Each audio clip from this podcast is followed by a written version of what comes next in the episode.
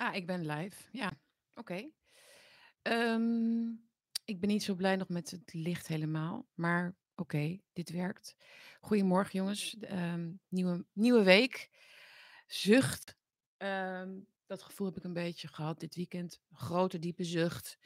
Uh, zwarte dag natuurlijk, zaterdag gaan we het even over hebben. Hoe hebben jullie die beleefd? Ben ik benieuwd naar. Kan natuurlijk niet alles lezen terwijl ik praat, maar ik zag al best wel wat berichtjes voorbij komen. Iemand had de vlag halfstok gehangen, bijvoorbeeld zaterdag. Er zijn natuurlijk verschillende manieren waarop je uiting kan geven aan je onvrede over de segregatie, die eigenlijk sinds zaterdag, althans voor een groot deel van de publieke ruimte, een feit is. Dus daar wil ik eventjes uh, op uh, met jullie over spreken. Wat ik zo al voorbij zag komen. Uh, ik heb deze stream ook de, noem ik nou, de kunstmatige roes van de nieuwe vrijheid genoemd. dus dat lijkt mij een interessant onderwerp om even met jullie te bespreken. In ieder geval. Wat andere, wat positieve dingen ook die ik voorbij zag komen. De coming out van Douwe Bob. Um, en um, als, uh, nou ja, een soort. Hij doet niet meer mee. Hè? Dat is dan het, uh, het, verhaal. Ik weet niet of je het gezien hebt. Ik ben niet zo heel erg bekend met Douwe Bob. Maar ik vind Douwe Bob een hele aardige, leuk jongen, denk ik. In ieder geval, Rutte is bedreigd. Die zou nu beveiligd gaan worden. Bedreigd door de mokromafia. Really? Really? Ik bedoel, ik dacht, oh ja, nee, ja, ik, ik vond het al heel raar dat hij nog steeds op zijn fietsje kon rondrijden, eigenlijk met alles wat we weten en zien. Maar dat was niet het probleem, maar het is de mokromafia. Oké. Verder nog even iets korts over de Duitse verkiezingen die gisteren waren. Niet veel boeiends daarover te melden hoor. Ik ga jullie niet, het ga ik niet spannender maken dan het is.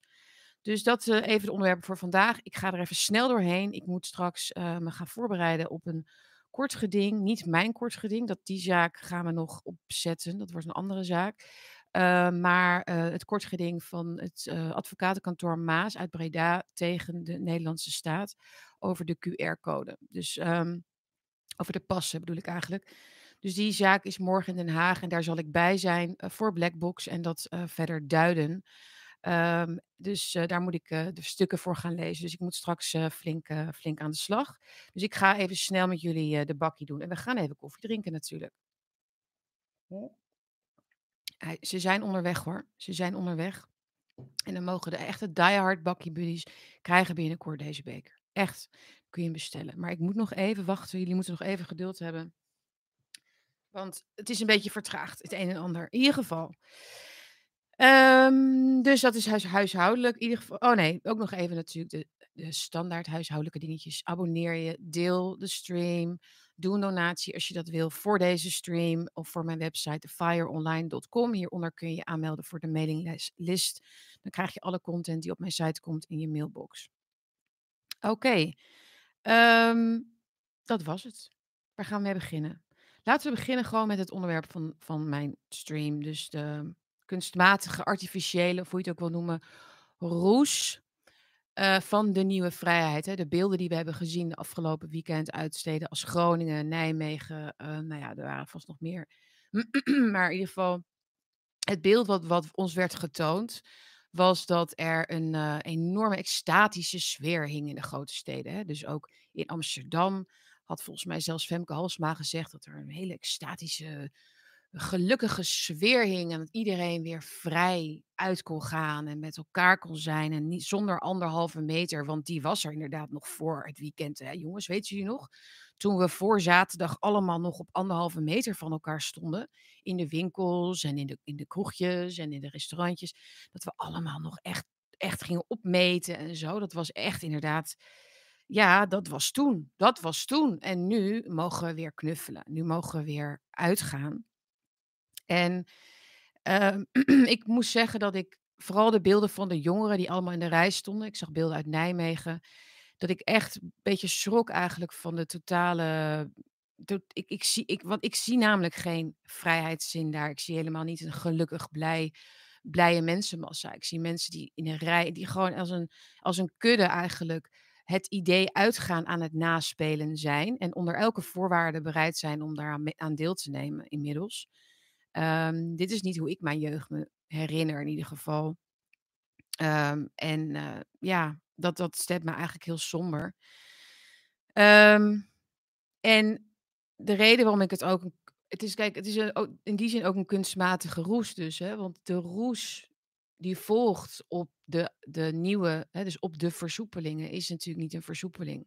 Het is een aanscherping van de maatregel, namelijk de QR-codes. Ehm, en Hugo de Jonge heeft trouwens de anderhalve meter het symbool genoemd hè, van de maatregelen in een tweet. Vind ik best opvallend.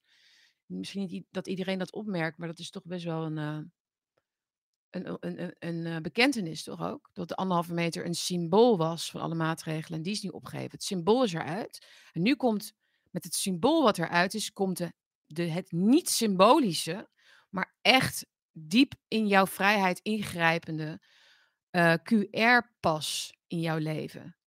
Dat, dat is niet meer symbolisch, dat is real. Dat is waarom Douwe Bob dus uh, van het weekend zich ineens realiseerde: hé, hey, ik kan niet meer naar binnen op bepaalde plekken. Hij wilde naar de bioscoop en dat kon dus niet meer. En hij heeft nu gezegd: hier trek ik mijn grens. Ik ga hier niet meer in mee. Ik doe niet meer mee. Hij heeft zijn concerten, uh, wat hij had gepland, gaat hij dus ook niet meer doen, zegt hij nu. Hij is, je merkte aan zijn filmpje dat hij er zelf ook nog een beetje van, uh, ja, ontredderd was, zeg maar. Hij was een beetje aan het soort van um, echt even aan het verwerken eigenlijk uh, wat, wat, wat hij voor zichzelf had besloten. En dat is heel begrijpelijk. En ik ben gewoon heel blij dat mensen door die, door die pijngrens heen durven te gaan van, um, van een, een grote beslissing nemen eigenlijk. Want dat is pijnlijk. Um, zeker als je in, een artiest bent of, of, of, hè, dus iemand bent die ook heel... Hij had ook heel makkelijk mee kunnen doen met alle met alle, met alle um, puppets, uh, mensen die, die het wel prima vinden. Dus dat is een, een mooi voorbeeld van iets positiefs, wat ik ook heb gezien in ieder geval. Maar, um, dus ik heb erover nagedacht, ik heb er nagedacht over wat natuurlijk de, wat ze proberen mensen mee te, mee te besmetten eigenlijk. Het vuurtje van, uh, jullie zijn, jullie zijn de, de uitverkorenen, jullie, jullie mogen nu weer en de andere mensen mogen niet. Dat is nog wel wat anders dan dit is een, dit is een, um, een noodzakelijk kwaad om, weer, om de samenleving weer open te gooien. Nee, dit, is een, dit is, gaat veel verder al dan die boodschap.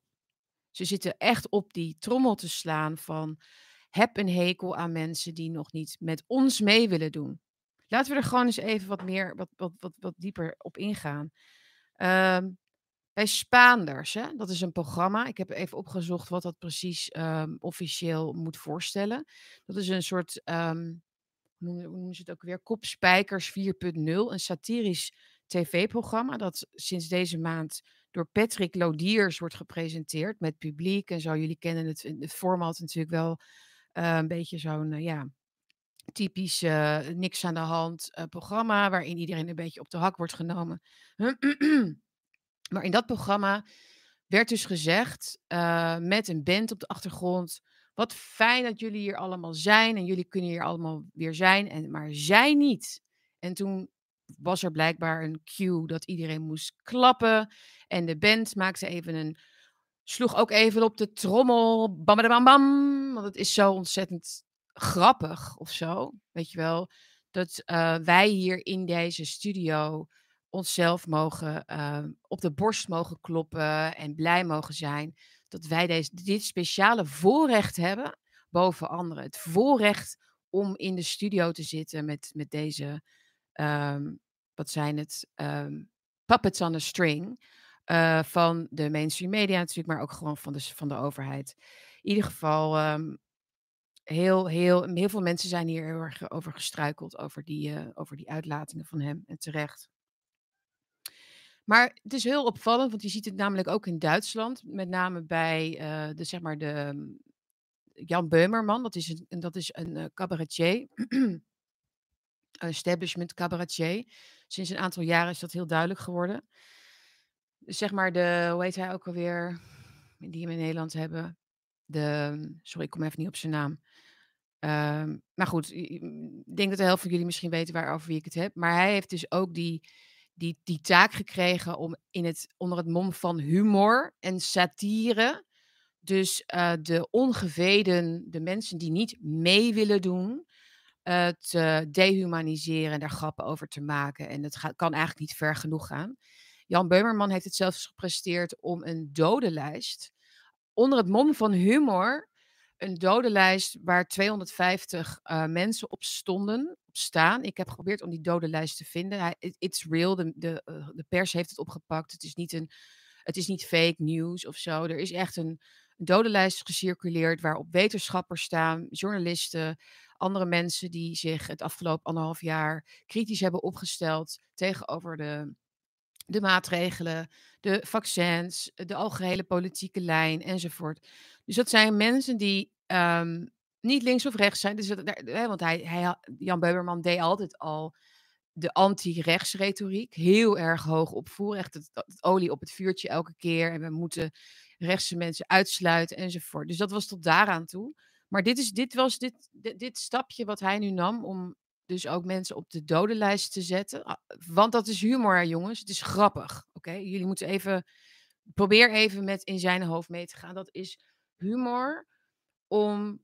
Um, ja, om, om, om mensen dus de, de, de dood in te wensen of zoiets.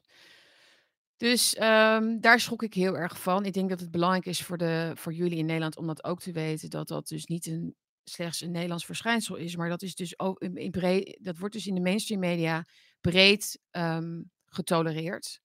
Uh, kan ik wel zeggen. Moet je voorstellen als, moet je voorstellen als een alternatief mediakanaal zoiets zou doen.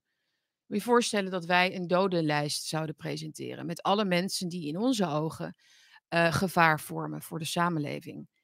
Dan, dan, dan, zou, dan zou de AIVD onmiddellijk um, het nodige doen. Hè, omdat, uh, maar nu is het alleen maar gewoon een hele ongelukkige uiting was het. En uh, de CDF die, ja, die, die vond het ook niet, niet heel chic of zo geloof ik. Maar ze, ja, was natuurlijk verder helemaal niets verder van het had helemaal geen gevolgen verder voor, voor Jan Beumerman. Nee, hij had gewoon een grap gemaakt. En dat is hetzelfde met Patrick Lodiers. Die mag dus uh, mensen in een zaaltje en, op de en, en, en voor de treurbuis op de bank zich um, uh, gratis, die mogen zich gratis en voor niets uh, ontladen. Het is een soort, um, ja, dus ik, ik, nog, ik wil even duidelijk maken dat ik niet denk dat, het, dat dit bij de meeste mensen ook daadwerkelijk lukt. Dat mensen het leuk vinden om zich te ontladen op de ongevaccineerden. Ik denk niet dat de haat bij mensen al zo diep zit dat dat, een, dat, dat de reactie dan is. Dat dat, dat de emotie is, dat het sentiment lekker vloeit. Ik denk dat dat wel meevalt, maar ze proberen het wel. En zoals het met groepsdenken gaat en in, in, in een collectief zoals we dat nu hebben doen mensen elkaar daarin ook na. Dus dat is een bekend fenomeen in, in, de, in de psychologie. Dat uh, als, uh, als, een, als er een zonnebok is en iedereen is overtuigd van zijn of haar schuld, dat, dat dan de hele groep zich keert tegen die zonnebok. En dat, er, dat, dat, dat het niet meer helpt om een enkeling te hebben die zegt: Wacht eens even, dit, dit is niet, dit, deze persoon heeft niets gedaan. Dan ga je, krijg je gewoon die, Um, dat massale geweld eigenlijk, wat zich, uh, wat zich binnen korte tijd kan, uh, kan, uh, kan exploderen. Trouwens ook een fenomeen wat heel goed beschreven is door René Girard, wat mij betreft de expert op het gebied van het zonnebokmechanisme. Dus daar kun je ook heel veel over vinden. Waarom doen mensen dat? Dat heeft te maken met crisis. En natuurlijk zitten we in een crisis, maar de crisis is niet de pandemie meer of het virus. Maar de crisis is natuurlijk het mens zijn. De moderne mens die niet meer weet wie hij is. Dat is volgens mij waar we op een dieper niveau um, in terecht zijn gekomen. En dat is ouder dan de coronacrisis. Maar je ziet nu dat de, um, ja, dat de, de, de zielenroerselen van mensen, zeg maar, de, de frustraties van mensen, de, het gevoel van uh, erbij willen horen, het gevoel van uit de crisis willen komen, aan de goede kant staan. Dat speelt ook voor veel mensen een rol. Ja, die, um, die moet ook een vijand, dat, daar moet ook een vijand bij. Hè? Dus dat is, dat is dat voorrecht wat mensen zich, uh, denk, wat mensen denken te hebben, dat ze een vijand mogen hebben. Heel, ik vind het heel gevaarlijk. Ik heb opgeschreven, ze hebben een voorrecht gekregen boven de ander. Zonder inspanning van, eigen, van de eigen kant, van eigen zijde. Zonder offers en zonder prijskaartje voor henzelf. Dus de mensen die haten nu op de ongeveden, um, zelfs terwijl ze dus al in hun mooie studiootjes zitten, in hun concertzalen zitten, lekker genieten van hun drankje in het café zonder de ongeveden, die hebben zichzelf een voorrecht gegeven boven de ander. Ze hebben dat verdiend. En die, dat hebben ze dus blijkbaar nodig. Ze willen niet, het, ze willen niet de prijs hoeven te betalen van, van, eh, van hun gedrag, van hun, van hun uitsluiting. Zij verdienen dit gewoon. Zij hebben het juiste gedaan. Zij zijn meegelopen in wat er, wat er van hun werd gevraagd. En dat is natuurlijk een lafheid van extreme, van extreme proporties. Maar voordat je die lafheid kunt. Ehm, ik zeg niet dat de het vaccin nemen laf is in die zin, maar het gedrag wat, wat je daarbij gaat, gaat zien van dat de ander slecht is als die het niet doet. Daar heb ik het over. Ehm, en, en, en daar komt dus een soort um, zelfgenoegzaamheid bij kijken. En een, een zelffelicitatie bij kijken. Um, maar wel dus met het, met het uitsluitingsmechanisme daarnaast. De ander moet daarvoor wel boeten. De ander moet boeten voor hun lafheid. Dat is wat we nu, aan, dat, dat is wat we nu zien. Want dat is namelijk, ik zeg het maar even heel, misschien ben ik een beetje, een beetje, ga ik een beetje te ver in. Want ik wil niet dat mensen zich per se in de een of andere groep scharen, maar het is even generaliserend. Maar de lafheid, die ehm, kan niet worden in de ogen worden gekeken. En dus wat doen mensen dan? Ehm, dan zoeken ze een schuldige in hun omgeving. En de overheid faciliteert dat. De overheid faciliteert dat wij en zij en ons. En ehm, zoals Hugo de Jonge ook al in de krant weer schreef, of in een interview had gezegd van. Wij zijn weer samen. Wij zijn weer bij elkaar gekomen. Wij zijn aan het verbinden sinds dit weekend. En iemand schreef op Twitter: Wij, wij, hoezo wij? Wij zijn helemaal niet aan het verbinden. We zijn zwaar gepolariseerd in dit land. Um, we zijn recht tegenover elkaar. Um, en er is geen einde in zicht nog. Maar toen dacht ik, ja, maar Hugo de Jonge, die bedoelt met wij ook helemaal niet wij. Hij bedoelt de, de uitverkoren groep. De uitverkoren, de mensen, de groep, de kudde, die de overheid, de, de, het establishment, de elite, whoever, de mensen die, uh, die deze koers wel prima vinden, laat het zo zeggen, die leiden de, de grotere kudde naar de, naar de ruimte waar ze niet meer in contact staan met andere mensen. En daar niet, dat hoeven ze ook niet meer. Want zij hebben, zij hebben een speciale positie gekregen, een voorrecht. Ze hebben, ze, hebben niet, ze hebben natuurlijk niet meer gekregen dan wat ze hadden voor de crisis. Ze hebben helemaal geen vrijheid gekregen. Die is van ze afgepakt. En ze krijgen die nu onder hele strenge voorwaarden weer terug. Maar dat is geen vrijheid. Vrijheid gaat over autonomie en over zelfbeschikking en over het harde werk doen en, en, en als individu verantwoordelijkheid nemen. Dat is vrijheid. Zij hebben een, een kunstmatige vrijheid, een kunstmatige roes. Zoals je een, een, een ecstasy-pilletje neemt. Zo, zo gaat de overheid om met de mensen met de QR-pas. En, en dat, dat, is, dat is hoe, hoe, tegen, hoe er tegen ze gepraat wordt. Jullie, zijn in, jullie mogen die roes lekker uitleven van de uitverkoren zijn, de mensen met de voorrechten, de mensen die de vrijheid hebben. Maar de waarheid is precies het tegenovergestelde. De vrijheid komt, deze vrijheid komt met een prijs. En het prijskaartje staat op de hoofden van mensen die zij niet meer dulden of niet meer willen of niet meer serieus willen nemen. Of... En dat vind ik een, een, uh, een heel gevaarlijke ontwikkeling.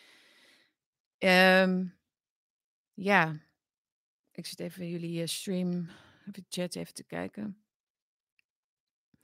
Um, ja, de overheid loopt voorop en zwengelt het aan, zegt Jacomijn inderdaad. Uh, vervreemding, verdrukking, vervolging. De volgende stap is inderdaad, um, als je de massa, die echt niet zo groot is, en dat zeg ik altijd. Um, het is niet de studio van Spaanders, die mensen die daar zitten. Die zitten, die, dat is ook gewoon klapvee. Weet je wel? Die, die doen ook gewoon maar mee. Um, maar goed, dat desalniettemin. Het is blijkbaar wel, wordt het wel getolereerd. Um, die, die vorm van humor.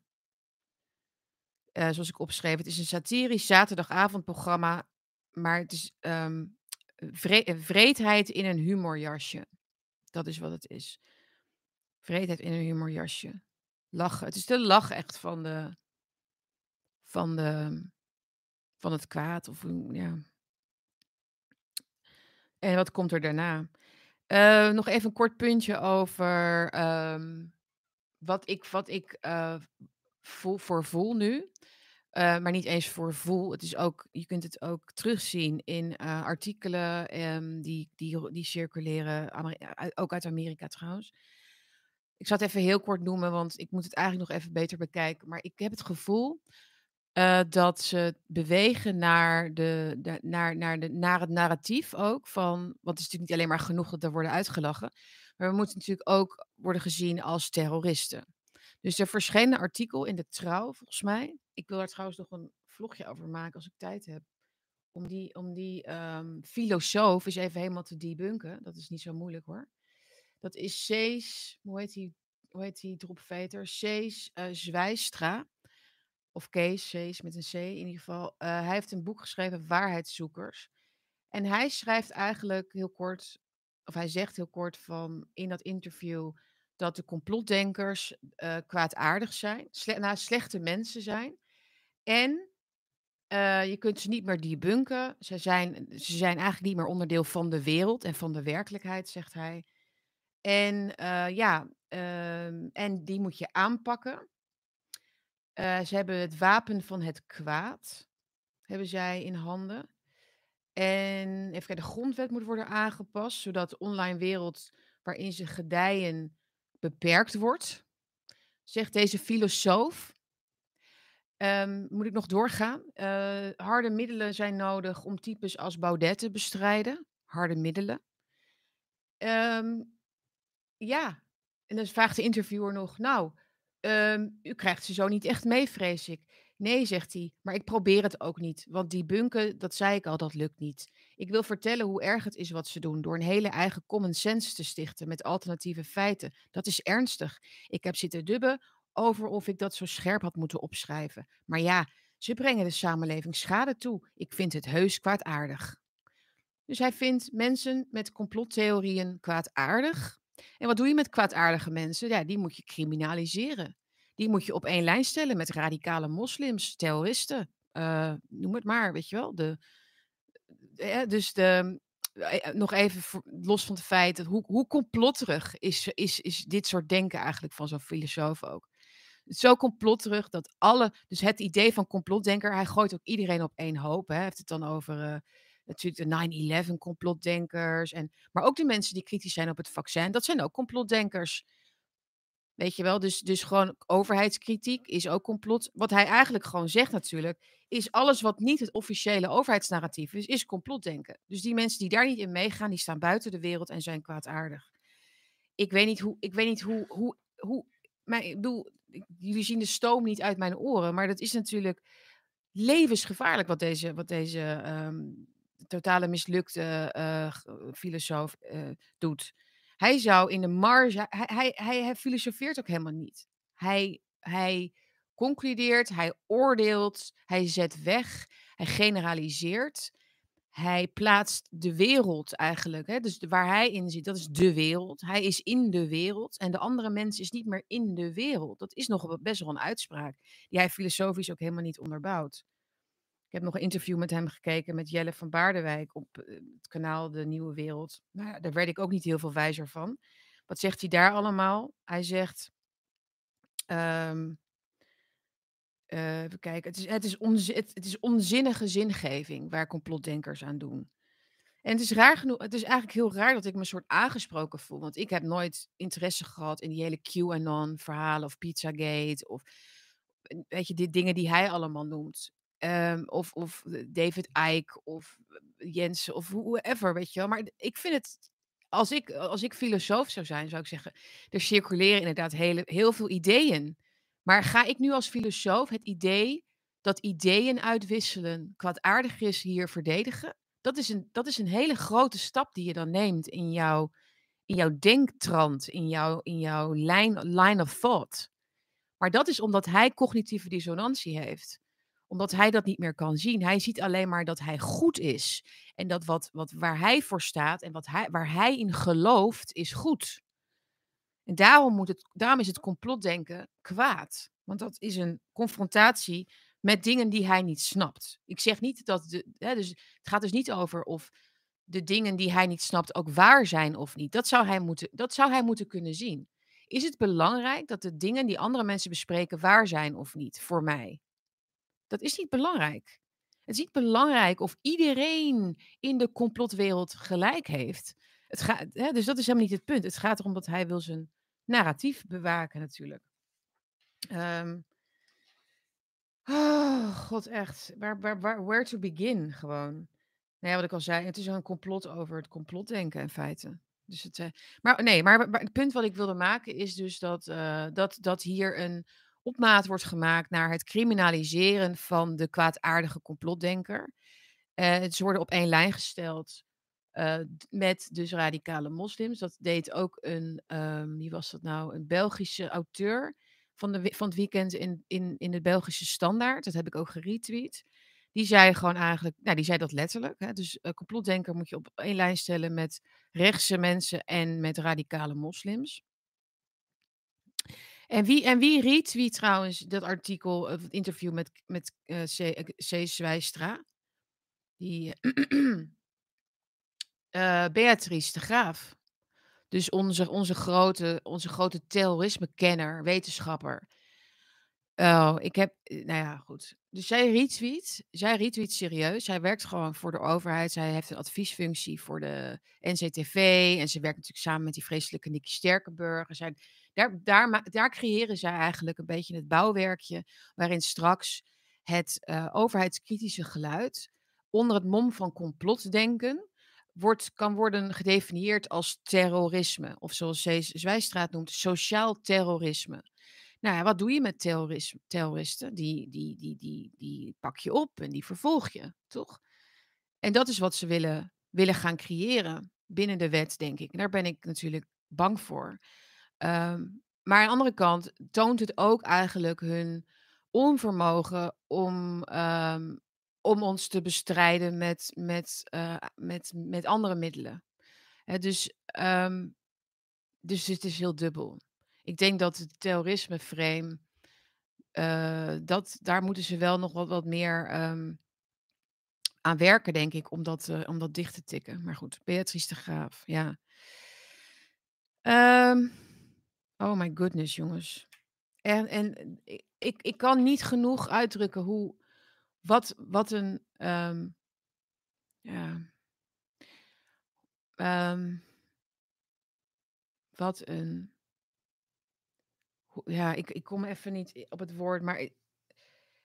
Uh, maar zo'n maar zo'n maar zo'n zo'n zo'n Zwijstra, zo dat soort mensen. Hoe ik die ongelooflijk verwerpelijk vind. En zo.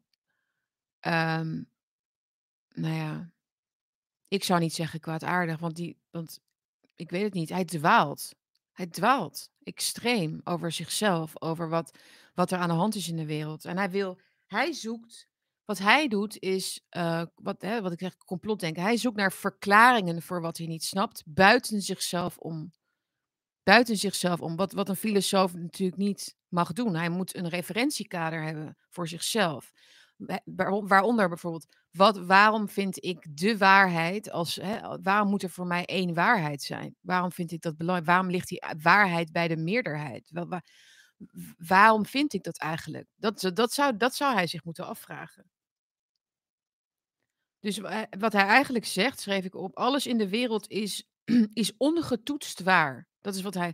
Dus we hoeven niks te toetsen. We hoeven helemaal niet na te denken over 9-11 of over uh, corona of over Big Pharma of over uh, Pizzagate of weet, ik veel, al die dingen die ze totaal overtrokken zijn geraakt. Als het allemaal niet waar was, weet je, dan kunnen we toch ook gewoon niet zo heel erg moeilijk over doen, hè? Immers. Um, maar goed, dus hij vindt dat alles in de wereld ongetoetst waar is. En in die waarheid um, hebben we de poortwachters. En dat is dan eigenlijk iemand als Cees Zwijstra. Dat is een soort poortwachter van wat, wanneer je nog in de wereld bent en wanneer je uit de wereld bent. En als je uit de wereld bent, dan spreek je, dan wissel je ideeën uit die niet stroken met de waarheid. En deze blinde vlek, die heel veel uh, wetenschappers hebben op dit moment, um, is, is een belangrijk, belangrijk signaal Ehm, van van iets waar ze zelf wat ze zelf niet kunnen doorgronden. Het collectivisme, het gevaarlijke collectivisme wat leidt tot een totalitair systeem. Want alleen in totalitaire systemen is er is er bestaat er niet zoiets als een waarheid buiten de wereld. Dus dan bepalen een aantal mensen wat de wereld wa wat er waar is in de wereld. En als jij je niet conformeert aan die waarheid, sta je dus ook buiten de wereld. Dat is totalitair denken. Dat is niet meer zuilendenken. Dat is niet meer, ehm, nou ja, jij jouw uitla uitlatingen zijn misschien wel bedreigend en we kunnen jou vervolgen uitsluiten en andere wereld denken. Maar dat is echt een een totalitair denken wat geen enkele uit wat geen enkele afwijking toestaat. En dat is ook de reden waarom hij het allemaal op één hoop gooit. Weet je wel? Ehm, hij kan helemaal niet motiveren waarom waarom het gevaarlijk is. Dat hoeft ook niet. Het uit de wereld zijn is gevaarlijk, want het bedreigt hun waarheid. Dat bedreigt hun waarheid. De complotdenkers bedreigen hun totaal. Dus, nou heb ik toch alweer helemaal misschien hoef ik die vlog ook niet meer te maken nu. Eh, even kijken, wat had ik nog meer voor jullie? Helemaal speciaal voor jullie, vers van de pers. Even kijken. Nee, volgens mij heb ik alles al. Oh ja, Wouter. Oh ja, de, de Duitse mm, verkiezingen.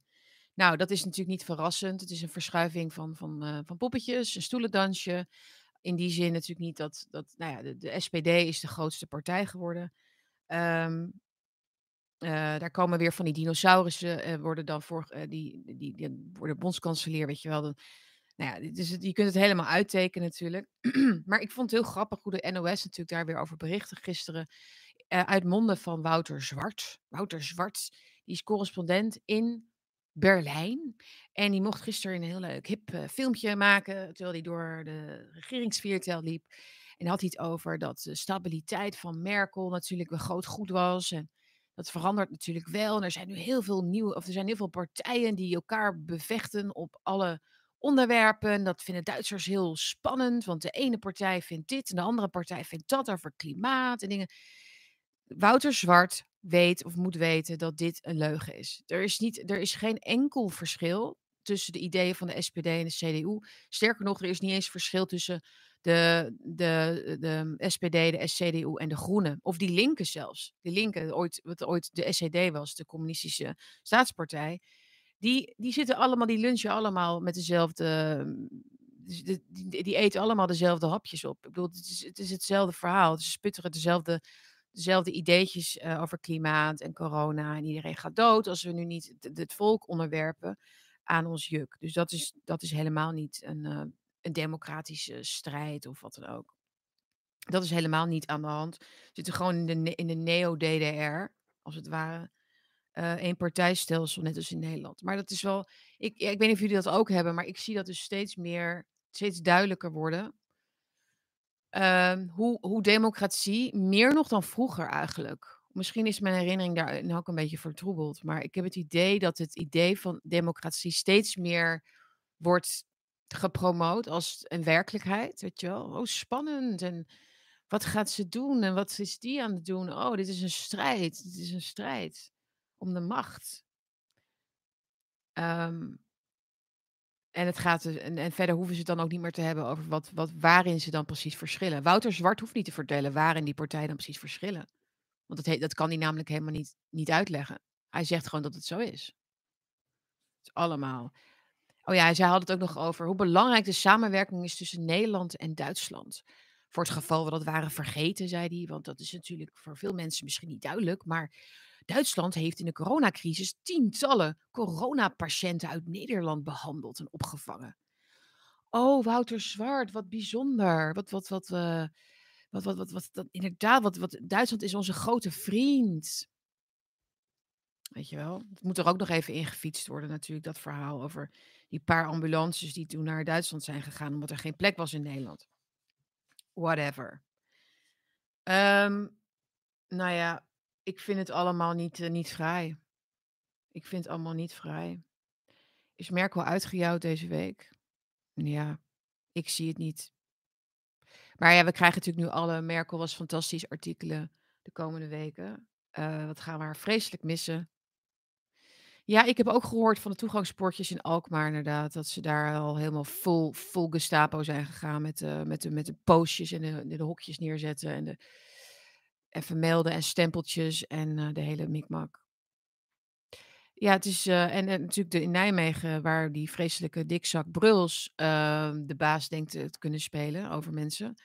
Daar is ook een tent dichtgegaan omdat ze geen QR-codes, eh, checkten. Die hebben alweer een kort geding en zo. Het is eigenlijk heel treurig. Ehm, maar ik denk dat dat ondernemers, net als Douwe Bob, een beetje beter laat dan ooit, ehm, zich moeten gaan realiseren dat dat zij helemaal niet die vrijheid hebben hoor, om, eh, op wel of niet te doen. Ik bedoel, het is mooi dat ze dat ze dat ze dat ze uitstralen van wij wij zijn het oneens. Maar als als ze inderdaad, eh, die die, ehm, hoe die coronachecks gewoon via BOA's, politie en dat soort, eh, fratsen gaan, gaan controleren dan gaan doen, dan, heb je niet zoveel meer te willen. Ik ken ook heel veel restaurants en dingen cafés die ook gewoon dicht zijn gegaan al voor de winter. Omdat ze dat niet meer trekken. Ehm wat zegt Marieke dan? Even kijken hoor. Ik ben een beetje uitgeraasd, merk ik. Ik moet even even oh my goodness. What is happening, jongens? Nou, wat what is happening is wat wat precies, ehm, in de kaarten stond. Dat is what's happening, alleen het gaat heel heel erg snel. Heel erg snel en dat vind ik, eh, best wel een beetje beangstigend. Toch? Eh, ik lees eventjes jullie, eh, jullie, opmerkingen, vragen. Bruls, hoe heet hij van zijn voornaam? Hij die dat is toch gewoon weggelopen uit Animal Farm, die man? Hij en Frans Timmermans. Neem eens neem een slok koffie. Goed idee. Doen jullie dat ook maar even. Koffie, jongens. As long as there's coffee, there's life. Wat wil ik nog wat wil ik nog aan jullie kwijt? Ehm, even denken, ik weet het niet. Misschien hebben jullie een vraag of zo. Werkt de Bruls met varkens?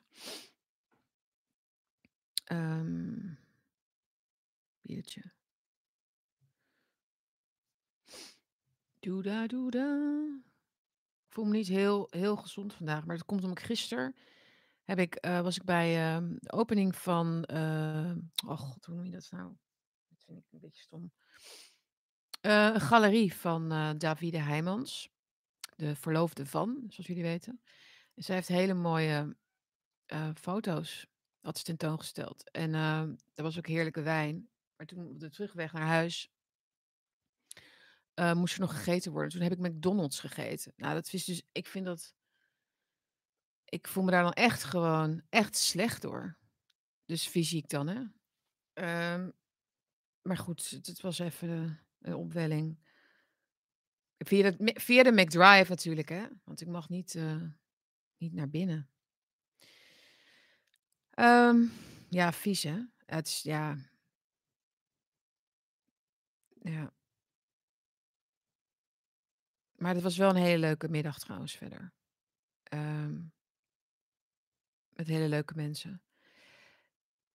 Mona. Mona Keizer. Ik vind het Mona Keizer verhaal, ik moet daar nog eventjes over nadenken. Want ik vind dat wel ik weet je, ik je kan mij ik ben dan niet meer zo dat ik dan in toeval geloof van, eh, oh, zij zat ineens bij de eh, zij deed een interview met de Telegraaf en zij vloept dat eruit en ze heeft dat die consequenties niet kunnen overzien. Zij is niet gisteren in de politiek gegaan, ehm, en ik denk dat zij van tevoren heel goed wist dat dat dit de gevolg het gevolg zou zijn. Dus haar ontslag bedoel ik dan. Ik denk dat ze dus dat er dus 2 dingen kunnen zijn gebeurd. Dat ze enerzijds vanuit goede intenties dacht: "Ik wil ontslagen worden, want ik wil die kamerzetel. En ik wil eigenlijk dat de CDA, eh, ja, desintegreert onder mijn ogen. En ik ben er het gewoon niet meer mee eens, want mijn geweten zegt mij bla bla bla." Dat is natuurlijk wat ik hoop. Ehm, zij volgt mij trouwens ook op Twitter. Dat kwam ik dus achter. Reden misschien ook waarom ze dat dan zou hebben gedaan. Ha ha ha. Nee, dus ik DM'de haar ook van, eh, of ik met haar, eh, misschien een keer kon praten, want ze woont hier ook bij mij in de buurt. Maar goed, dat zal, eh, ik denk dat ze meer aan haar hoofd heeft. Maar ik ben gewoon benieuwd, weet je of of dat het verhaal is. Want ik ik vind dat mensen recht hebben om te weten van welke vanuit welke bedoeling ze dit heeft gedaan. Maar ik denk na twee dagen denk ik eigenlijk van... ehm, dit, heeft dit heeft vast wel weer een ander staartje, een andere reden. Ik weet niet wat jullie daarover denken, maar... Ehm, ze haatte Hugo de Jonge en vond hem een ijdeltuit. Ja, maar dat is subject, subjectief, weet je. Dat is niet... eh, wat, zou, wat zou voor haar... ehm, ja, wat zou nou het scenario kunnen zijn wat niet heel ehm, obvious is? Wat, zou de, wat zou de complottheorie hierover kunnen zijn, met andere woorden? Hè? Complottheorieën, echt. Wat een, wat een gemakkelijk verwijt allemaal, hè? Doodziek word je ervan. Ik, ik, verlang, terug, ik verlang terug naar de, naar de jaren dat ik gewoon extreem rechts was en zo. Weet je wel, because that just, that just slides off my, my back, you know. It's just, uh... Kijk gewoon naar wat je ziet, zegt Martijn. Dat is inderdaad, dat is een hele goede, uh, vind ik, van uh, Martijn. Um, weet je wel, heel veel mensen willen natuurlijk in structuren denken. En, en, en ja, hè, dus die denken vanuit oude definities, naar, kijken naar dingen, ingesleten ideeën over de wereld en zo. En ik, ik ben heel blij om te zien dat we die langzaamaan met, met denkers, met, met um, creatieve mensen, met alle, alle, alle mensen, um, dat die vanzelfsprekendheid aan het afbrokkelen is over wat we eigenlijk, waar we eigenlijk in zitten. Um, even kijken hoor, wat zei je nou? Ja, maar, het is, maar, maar, maar je hebt, maar we zijn niet, het is niet alsof je ineens van de ene naar de andere wereld kan, hè? zoals die uh, Zwijstra ons voor, um, van beschuldigt dat we een soort niet meer in de wereld zijn. Dat is niet zo. Er is een hele, er is een heel groot terrein waarin we zitten nu. We zijn niet afscheid aan het nemen van de oude wereld naar de nieuwe wereld, waarin we met elkaar onze eigen fantasiewereld kunnen creëren. Dat is helemaal niet wat de behoefte van de mens is. De mens wil niets liever dan in de wereld zijn. Oké, dat is een Heidegger en zo verhaal. Het in de wereld zijn, het existentiële, is, is per definitie onder, onderdeel van het, het menselijk bestaan. Uh, al was het maar omdat we er niet uit kunnen. Dus uh, je hebt te maken met de beperkingen van het lijf en van de middelen en de voorzieningen. En je moet daarmee werken. Je kunt niet zeggen, toeloe, ik zit daar in mijn wereld. En dus Um, maar we zitten, we zitten ergens tussenin. We zitten in een uh, verkenning. En als je verkent, wat doe je als je verkent? Dan moet je kijken. Dus je gaat kijken en luisteren. En wat zie je nou eigenlijk? Wat zegt jou? Noem het onderbuik, noem het intuïtie, noem het gewoon de puzzelstukjes in elkaar leggen. Hè? Passen ze of passen ze niet? Als ze niet passen, dan is er waarschijnlijk iets anders aan de hand. Als een minister of een journalist en iets zegt, maar je ziet dat niet terug, dan is er dus iets anders aan de hand. En waar ik ook heel erg in geloof, is gewoon mensen beoordelen op hun gedrag. Ik ben niet geïnteresseerd in wat iemand zegt dat hij is, maar wat is zijn gedrag? Hoe manifesteert zich dat?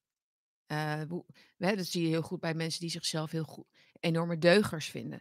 Dat zijn vaak de, eerste die uh, de serveersters uh, uitschelden op het terras. Of nou ja, mensen demoniseren.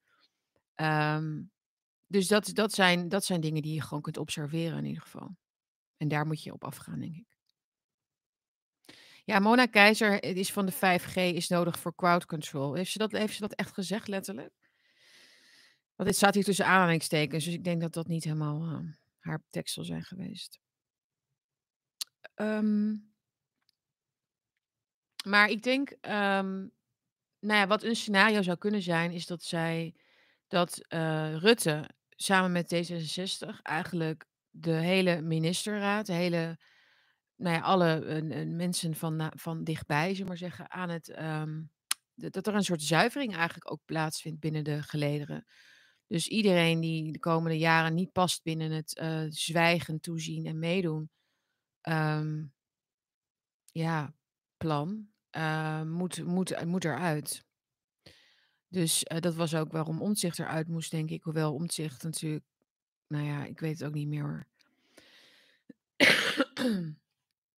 Controlled opposition of zo. Ja, heeft ze dat gezegd met, eh, 5G is, eh, nodig voor crowd control. Ja. Ehm, maar goed, ik zal het nog even checken hoor. Ik ik weet niet of dat, eh, iemand zegt hier ook bron graag.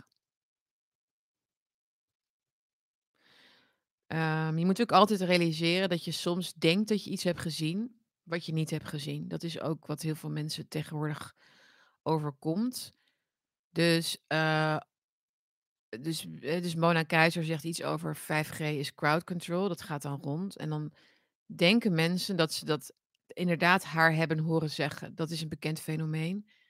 Ehm, wat ik heb wat ik heb bestudeerd zelf, toen ik ehm, rechten studeerde, eh, en advocaat werd, dat is een van de eerste dingen die je leert, over getuigenverhoren met name, ehm, is dat mensen heel stellig kunnen zijn in wat ze hebben gezien.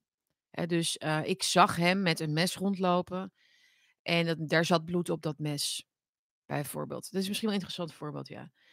Zoiets. Ehm, je kunt heel veel voorbeelden geven, maar even dit spreekt tot de verbeelding. Dus een getuige ziet iemand lopen met een mes waar bloed aan zit. Maar dat kan hij hebben gezien omdat hij daarvoor heeft gelezen dat, eh, dat er een mes is gevonden met bloed eraan. En dus hij verwart dan zijn observatie, zijn getuigenverslag, hoe zeg dat? Ehm, ehm, zijn waarneming met andere informatie. Dus hij plakt dat eigenlijk aan elkaar en zo kunnen mensen zich vergissen eigenlijk in wat ze hebben gezien. Ik zeg niet dat het altijd zo is natuurlijk, ehm, maar daar moet je altijd voor oppassen. Dus hij zal het mes hebben gezien, maar dan zat er nog geen bloed aan. Dat kan heel belangrijk natuurlijk zijn voor de voor het hele verhaal. Ehm, iemand iedereen heeft het hier over of ze het nou wel of niet heeft gezegd. Hou op nu, Sietske. Oké, je kunt ook weggaan. Dat is ook helemaal helemaal vrij, om dat je bent vrij om dat te doen. Ehm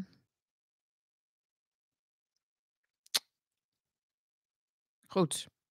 Ik ga verder jongens. Ik ga mijn, eh, het kort geding voorbereiden morgen in Den Haag. Jullie kunnen daar live naar kijken. Dat is, eh, ehm, even kijken, dat is vanaf nee, ik weet het eigenlijk niet. Je moet even op de op de website van Blackbox kijken, dan kun je precies zien hoe laat het begint. Eh, dan krijg je ook het hele juridische verhaal mee. Dat is wel interessant, denk ik. En dan, eh, weet ik dus niet, zit ik nu te denken, of ik het ga redden met de livestream morgen met de bakkie. Maar misschien begin ik dan wat eerder.